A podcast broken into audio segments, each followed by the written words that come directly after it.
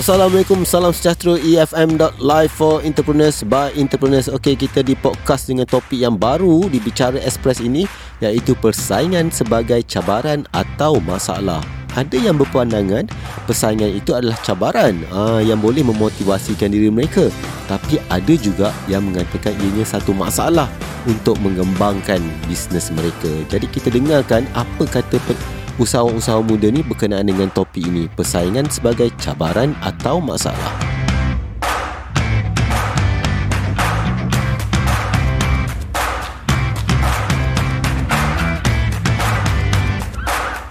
Tetamu saya yang saya janjikan uh, ini dia.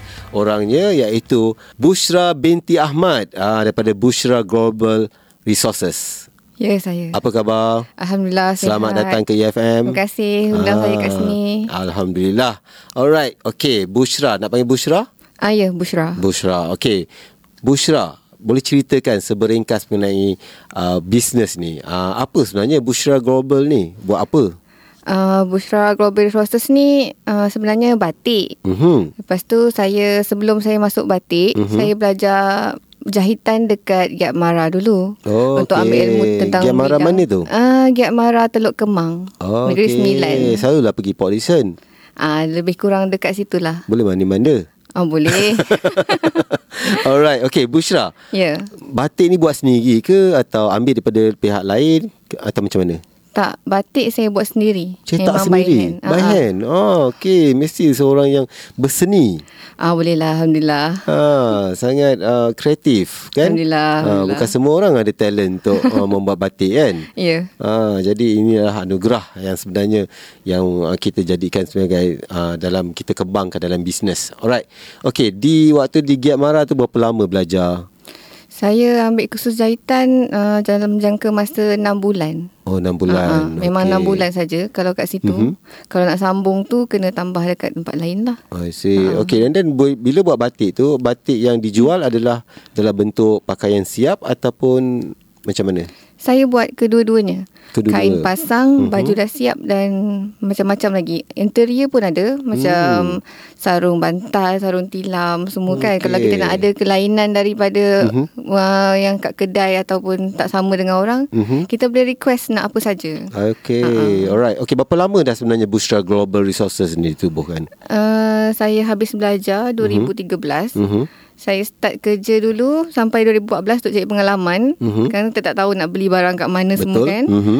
Betul dah cari pengalaman 2000 pertengahan 2014 tu saya start lah. Okay, uh-huh. alright. Okay, itu dia pengalaman panjang juga tu kan. Ambil Ah, daripada ya. orang, lepas tu buat sendiri kan. Okay, pastinya bila kita menjadi seorang usahawan, pasti ada persaingan. Ya. Yeah. Kan? Mm-hmm. Kat situ tempat-tempat tu yang tempat uh, Bushra uh, berniaga ni ada persaingan tak kat situ? Macam dekat Ada negeri tak orang lain buka batik juga? Kurang lah persaingan Hmm. dia. Dia banyak persaingan bila kita buka booth Mhm. akan sama dengan Pantai Timur. Ah. So orang takkan kom- orang takkan yang boleh agak yang tu dari Negeri Sembilan. Biasanya orang cakap dari Terengganu ke, Kelantan Hmm. Ah, ke. sebab dia dah Ah. popular Ah, kan ah, dengan Memang batik asal kan. dari sana kan. Kan, jadi bila daripada Negeri Sembilan orang macam Ah, pelik, pula kan. Lepas tu bila saya cakap saya dari Negeri Sembilan. Aha. Eh Negeri Sembilan ada batik ke? Saya pun terkejut. Yelah kan. kan? Ha. kan saya pun macam hmm, ingat ambil daripada sana ke and then jual dalam Hmm, bentuk yelah. pakaian siap Ha. ke kan okey okey dalam persaingan dalam bisnes ada persaingan okey dan pastinya uh, Bushra ada persaingan Ada. um, sekarang ni jual secara online ataupun secara uh, offline ataupun ada kedai Uh, online Mhm. dan ada bengkel kat rumah. Mhm. Lepas tu saya selalu ikut boots lah. okey Mana-mana yang buka boots tu kita Mhm. ikut sebab nak bagi orang kenal. Kalau tak Betul. orang tak Hmm. tahu kan wujudnya benda tu kat Negeri Sembilan. kan ah, tapi macam persaingan tadi tu adakah Bushra merasakan ianya adalah satu cabaran ataupun ianya satu masalah sebenarnya Uh, cabaran dan masalah juga Mhm. sebab sekarang dah ada batik digital. hmm ya So saya dengar orang tu uh, Mhm. orang boleh copy design yang macam kita letak dekat Facebook Mhm. contohnya. Mhm. Orang akan ambil design tu lepas tu dia orang akan printed kan. Mhm. So dia orang akan turunkan harga market yang sangat rendah Mhm. Dan macam kita nak kejar pun susah. Hmm. Dia orang kan orang sekarang ekonomi. Betul. So dia orang kan Itu beli, lagi murah, beli eh? yang murah pada Kan? yang mahal kan. Tapi dia ha, macam mana dengan kain? Adakah kain uh, Kain tak sama. tak sama ah, kan? Batik ada kain khas dia. Ah. Tapi corak lah kan. Ah. Macam orang nak beli nak banyak, lepas tu nak harga murah. Mhm. Ah, kena ambil yang digital lah maknanya. Okey. So jadi uh, bergantung pada persaingan tadi tu dengan persaingan yang sekarang ni mesti ada cara solution macam mana Bushra nak selesaikan. Solution je kita uh, sama ada copyright, Mhm. tak pun kita buat yang design tu lain daripada yang lain. Mhm. Tapi tu buat yang cantik lah. Maknanya warna tu kita buat very handmade. Biasa handmade Mhm. kalau macam orang yang batik ni dia ada peminat tegar dia. Betul? Mhm. Tak kisah macam mana pun dia orang nak yang batik je. Keselesaan kain batik dengan kain yang biasa macam kat Nagoya tu tak. Berbeza sama. kan? Hmm, Ha-ha. betul, betul. Lain Hmm. kain dia. Kan? So orang akan tahu. Hmm. Kalau nak beli tu dia boleh bezakan lah. Bezakan sama ada yang bagus berkualiti Ah, ya. ataupun yang biasa-biasa kan. Ha-ha. Uh, jadi kadang-kadang kalau yang tegar ni mesti dia nak yang berkualiti. Ah. Sebab selesa dipakai. Boleh pakai lama. Pakai lama Ah, Kemudian untuk majlis-majlis Kadang-kadang majlis-majlis rasmi Mm-mm. Nampak keterampilan dia Ah, kan ya. Yang mahal-mahal ni kan ha, kalau Lagipun kualiti kain dia Mhm. Kalau kita basuh tak kecut Betul Kalau kita beli yang print tu Kain dia kain murah kan Ha. Bila kita basuh banyak kali Dia akan kecut Warna pun pudar Betul betul. Alright, tadi kan Bushra cakap bila saya tanya berkenaan dengan persaingan, adakah ianya cabaran ataupun masalah? Tapi Bushra kata kedua-duanya kan. Ya. Okey, cabaran tu memang dah satu cabaran. Mm-mm. Tapi pe- masalah tu, adakah ianya boleh menjejaskan bisnes? Um, menyebabkan rasa macam Ih sakit betul lah hati aku Orang ni buat bisnes macam ni pula ah, ah, Macam mana Apa rasanya Sebab ada orang kata Persaingan ni sihat Ah. Ah, benda ni boleh dijadikan sebagai memotivasikan dia Mm-mm. untuk mem, apa mengeluarkan produk atau servis yang lebih baik. Ya, betul. Tapi macam Busra pula rasa jangan jawab nak selamat, Okey. jawab dengan jujur. uh, Macam saya Saya rasa Memanglah sakit hati Kita Ah. fikir Design tu Seharian Kadang-kadang Ah. berminggu Memang ada orang Ah. tiru. Memang ada orang tiru Mhm. Tapi nak buat macam mana tu persaingan Kita nak saman pun Kita takkan nak copyright Setiap kita punya design Banyak Hmm. nanti kan Hmm. Nak Cakap, buat minta copyright tu pun takes time juga. Ah, memang Kan? makan masa lagi orang dah Ah. tiru habis dah. Dan saya tawakal je lah reda dengan percaya rezeki Allah kan. Yes. Kalau ada untuk saya memang untuk saya lah. Hmm, hmm. Nak risau pun nanti buat sakit sakit kepala nanti tak, tak bagus juga untuk kita yang meniaga Betul. ni. Stres Hmm. kan. Ha, so tak apalah.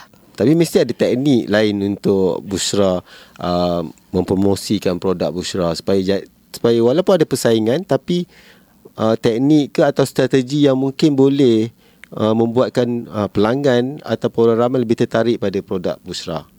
Cara design saya lah berbeza dengan yang lain. Macam Mhm. uh, orang utara dia lebih ke bunga-bunga. Macam saya Mhm. suka yang macam uh, lebih abstrak. Lepas tu Oh, design okey. simple, tak banyak. Macam Aha. orang sekarang dia suka warna-warna yang lembut. Mhm. Lepas tu design pun ada satu je. Ma- tak suka yes. banyak-banyak kan. Betul. Mhm. Kita kena ikut peredaran sekarang lah. Mhm. Macam sekarang tahun ni saya dah google dah. Mhm. Untuk warna sekarang apa. Mhm. Untuk orang sekarang Warna apa sekarang? Warna pastel. Ah, Ah, patut ah. lah abang kata pastel-pastel sekarang ni kan. Pastel tu warna lembut je sebenarnya. Ah, betul betul betul. Okey.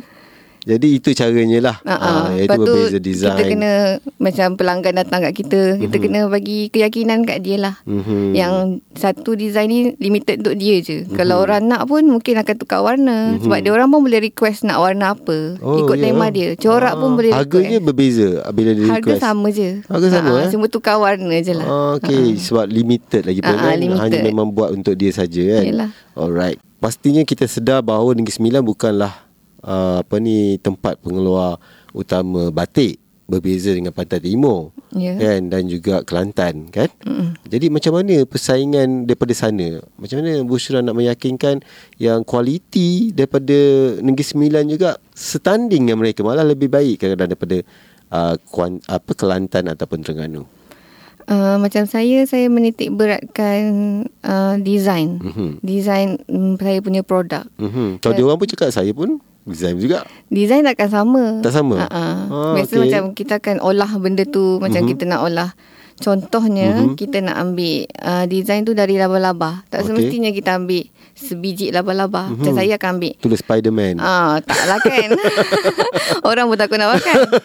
saya saya akan ambil bentuk bawah dia je ke, okay. macam kotak-kotak dia tu je ke. Ah, Kita okey. buat macam untuk sebelah je ke. Kreatif lah Ah, Lebih Kreativiti kita lah. Kita kena Abstract saing macam kan? tu lah. Ha ah. Ah, supaya nampak tu cerita lah Oh ni laba-laba sebenarnya Ah, asalnya kau, Kau lukis laba-laba. apa sebenarnya ni kan Aku lukis laba-laba sebenarnya Kaki dia Kadang-kadang orang tak tahu kan ni apa ni. Uh, rupa macam pernah tengok tapi tak boleh nak imagine itu laba-laba Kan? sebenarnya. ah, Ah. Okay Alright right Baru saya faham Yelah saya ni ah, Bukan orang yang Ah, ah, tak semua orang tahu sebenarnya. Ah, kan Ah, ah. sebab benda tu something tu kadang hanya apa um, orang yang kreatif ataupun yang menciptanya saja yang boleh berkongsi ataupun Ah, mengetahui ya. apa yang dia buat kan sebagai orang muda alright Okay. pastinya dah lama juga kan dah berniaga daripada umur lagi umur berapa dah start berniaga Umur 25, 26 macam tu. Ha, ah. Masih muda lagi waktu tu.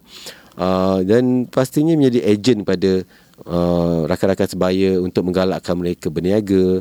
Sebab kadang-kadang ramai orang usahawan muda ni ataupun anak-anak muda ni kadang takut nak menghadapi uh, apa ni saingan dalam dunia uh, bisnes ni. Jadi apa nasihat Bushra untuk rakan-rakan sebaya atau adik-adik yang ada minat, minat niat nak berniaga tapi takut? Tepat takut bersaing je lah. Bila tengok dekat Instagram Tengok kat Facebook Orang ni berniaga ni Eh kalau aku nak berniaga ni kan sama pula. Yalah. Kan? Persaingan aku lagi. Macam mana tu? Okey apa Nasihat Bushra untuk mereka?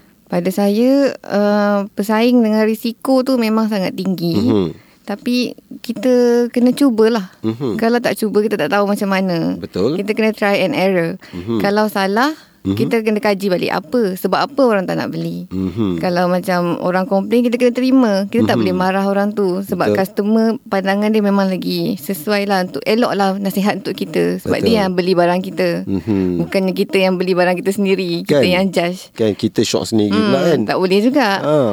So bila orang kritik tu kalau orang dia jangan down. Ambil mm-hmm. tu positif kita kena mantapkan diri balik, fikir mm-hmm. balik kenapa orang kritik macam tu, mm-hmm. kenapa orang komen macam ni. Mhm. Lepas tu kalau kita jatuh pun orang tak beli, fikir balik kenapa orang tak beli. Mm-hmm. Mesti ada something wrong dengan design kita ke, cara Okay. kita present ke. Mhm. Macam kalau kita buka boots pun tak boleh senyap je. Mm-hmm. Kita kena panggil orang datang. Kan? Ah, mari, mari, mari, Ah, mari. datang Ah. tengok dulu. Tak beli tak apa, tengok Ah, dulu. Tengok tengok tengok dulu Pegang-pegang pun tak Ah, apa. Kan ah, Lepas tu Tapi lama-lama dia akan beli juga. Yelah bila kita dah, dia tengok macam Ah, ah, cantik ya. pula Ah, Kadang tak ada niat Tapi ah, bila ah. dah tengok ah, Terus jatuh cinta lagi-lagi perempuan kan? Kan Ah. ah, Lagi lah Dan Tengok nak, nak, nak cantik raya ni Ah, kan ya. ah, Lagi lah Inilah masa sebenarnya Lagi-lagi Nak pun promote. benda tu batik limited. Ah, yes. Macam design tu dia seorang je pakai. Lagilah orang Oh, lagi suka kan. Oh aku seorang je yang pakai benda ni. Ah, kan Lepas tu Ah. cakap kawan lain pun Cakap Kau yang sama juga kan, kan. Cakap ah, ni limited ni Tapi sa- apa Satu negeri satu Ah, satu lagi satu je. Warna pun satu je. Satu je Kita boleh cakap sebab design dari kita. Tak kisah kan. Betul Jadi kepada adik-adik ni Jangan takut lah Ah, Nak- jangan takut, jangan putus asa. Kalau down pun muhasabah diri balik. Hmm. And then yelah nak. Kalau nak fikir pasal persaingan Apa pun mungkin. Sampai bila pun tak Ah, habis. Semua ada Ah, persaingan kan. Ah, Kita belajar pun Ya. ada bersaing Ya. Kan. Kita dekat rumah pun ada bersaing. Ah, Dekat apa perniagaan pun ada bersaing. Jadi kita tak boleh takut dengan persaingan. Ah, tak boleh. Cuba je selagi boleh. Kan? And then kita kena improve diri kita lah. Ya. ah, Supaya kita boleh bersaing tu Dalam keadaan yang sihat. Ah, ya. Kan? Alright. Hala tuju bisnes ni Kemanakah hala tuju bisnes uh, Bushra Global Resources ni Mungkin Saya- dalam lima tahun akan datang Ah, InsyaAllah Saya ni impian nak bawa ke luar negara Mhm. uh, Untuk buat design Manalah tahu satu hari nanti Kita try, try iklan Lepas tu ada Mak Salih suka pula ke Kan? kan, Ah. Ah, Mana tahu rezeki tak tahu Betul. kan Hmm. Try bawa sana sebab Orang luar sebenarnya sangat Ada har- perancangan Macam mana nak bawa ke sana Nak jumpa dengan agensi-agensi Untuk Ah, bantu Sekarang ni saya try dari online dulu Mhm. Ah, cari-cari friend-friend dulu. Ah, bagi dia orang lagi pun dekat bengkel rumah ada bengkel so pelancong akan datang. Oh pelancong dari Dickson ah. ah, Yelah dekat Dia kan? akan stop bus kat situ Dia akan naik dan try buat batik. Oh, Dari mesti- situlah ha, Oh ya? Ah, okay. Mungkin pemandu bas tu Banyak dapat batik kan? Um, Boleh lah Hari-hari dia tukar baju batik. Sebab dia yang bawa Ya penumpang kan Ah. Takkan Yelah kalau restoran Dapat makan free Ah, yelah Kan? Kalau pergi batik dapat baju baju hari-hari dia tukar baju batik. Ya. Alright, okay itulah antara perancangan kan. Mm-mm. Mungkin insyaallah one day mungkin Mana ada tahu. ah ada branch ada apa butik dekat uh, apa di uh, bandar-bandar besar atau di Ya. KL ataupun boleh mengikuti mana-mana pameran di luar negara Ah, kan. insyaAllah. one day. Alright, okay. Macam mana pendengar-pendengar ataupun orang ramai ingin mendapatkan batik daripada Bushra?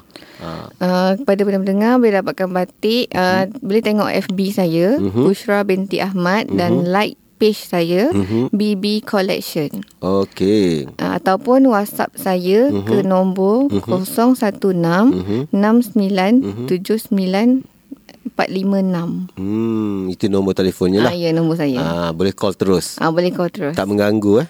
InsyaAllah tak ada. Ah, manalah tahu Kang nanti kan pukul 12 malam dia minta order. Dia kata besok nak pakai ni. Ah, dia majlis kahwin ni. Oh, Itu susah lah. Alright. Okay, terima kasih pada Okey, Bushra. sama. Ah, saya doakan supaya Bushra dan juga Bushra Global Resources berkembang maju. InsyaAllah ah, akan sukses. Amin, Dan amin. ah, apa ni design tu pakaian batik daripada Bushra akan terus dikenali. Ah, Amin, Alhamdulillah, amin. InsyaAllah.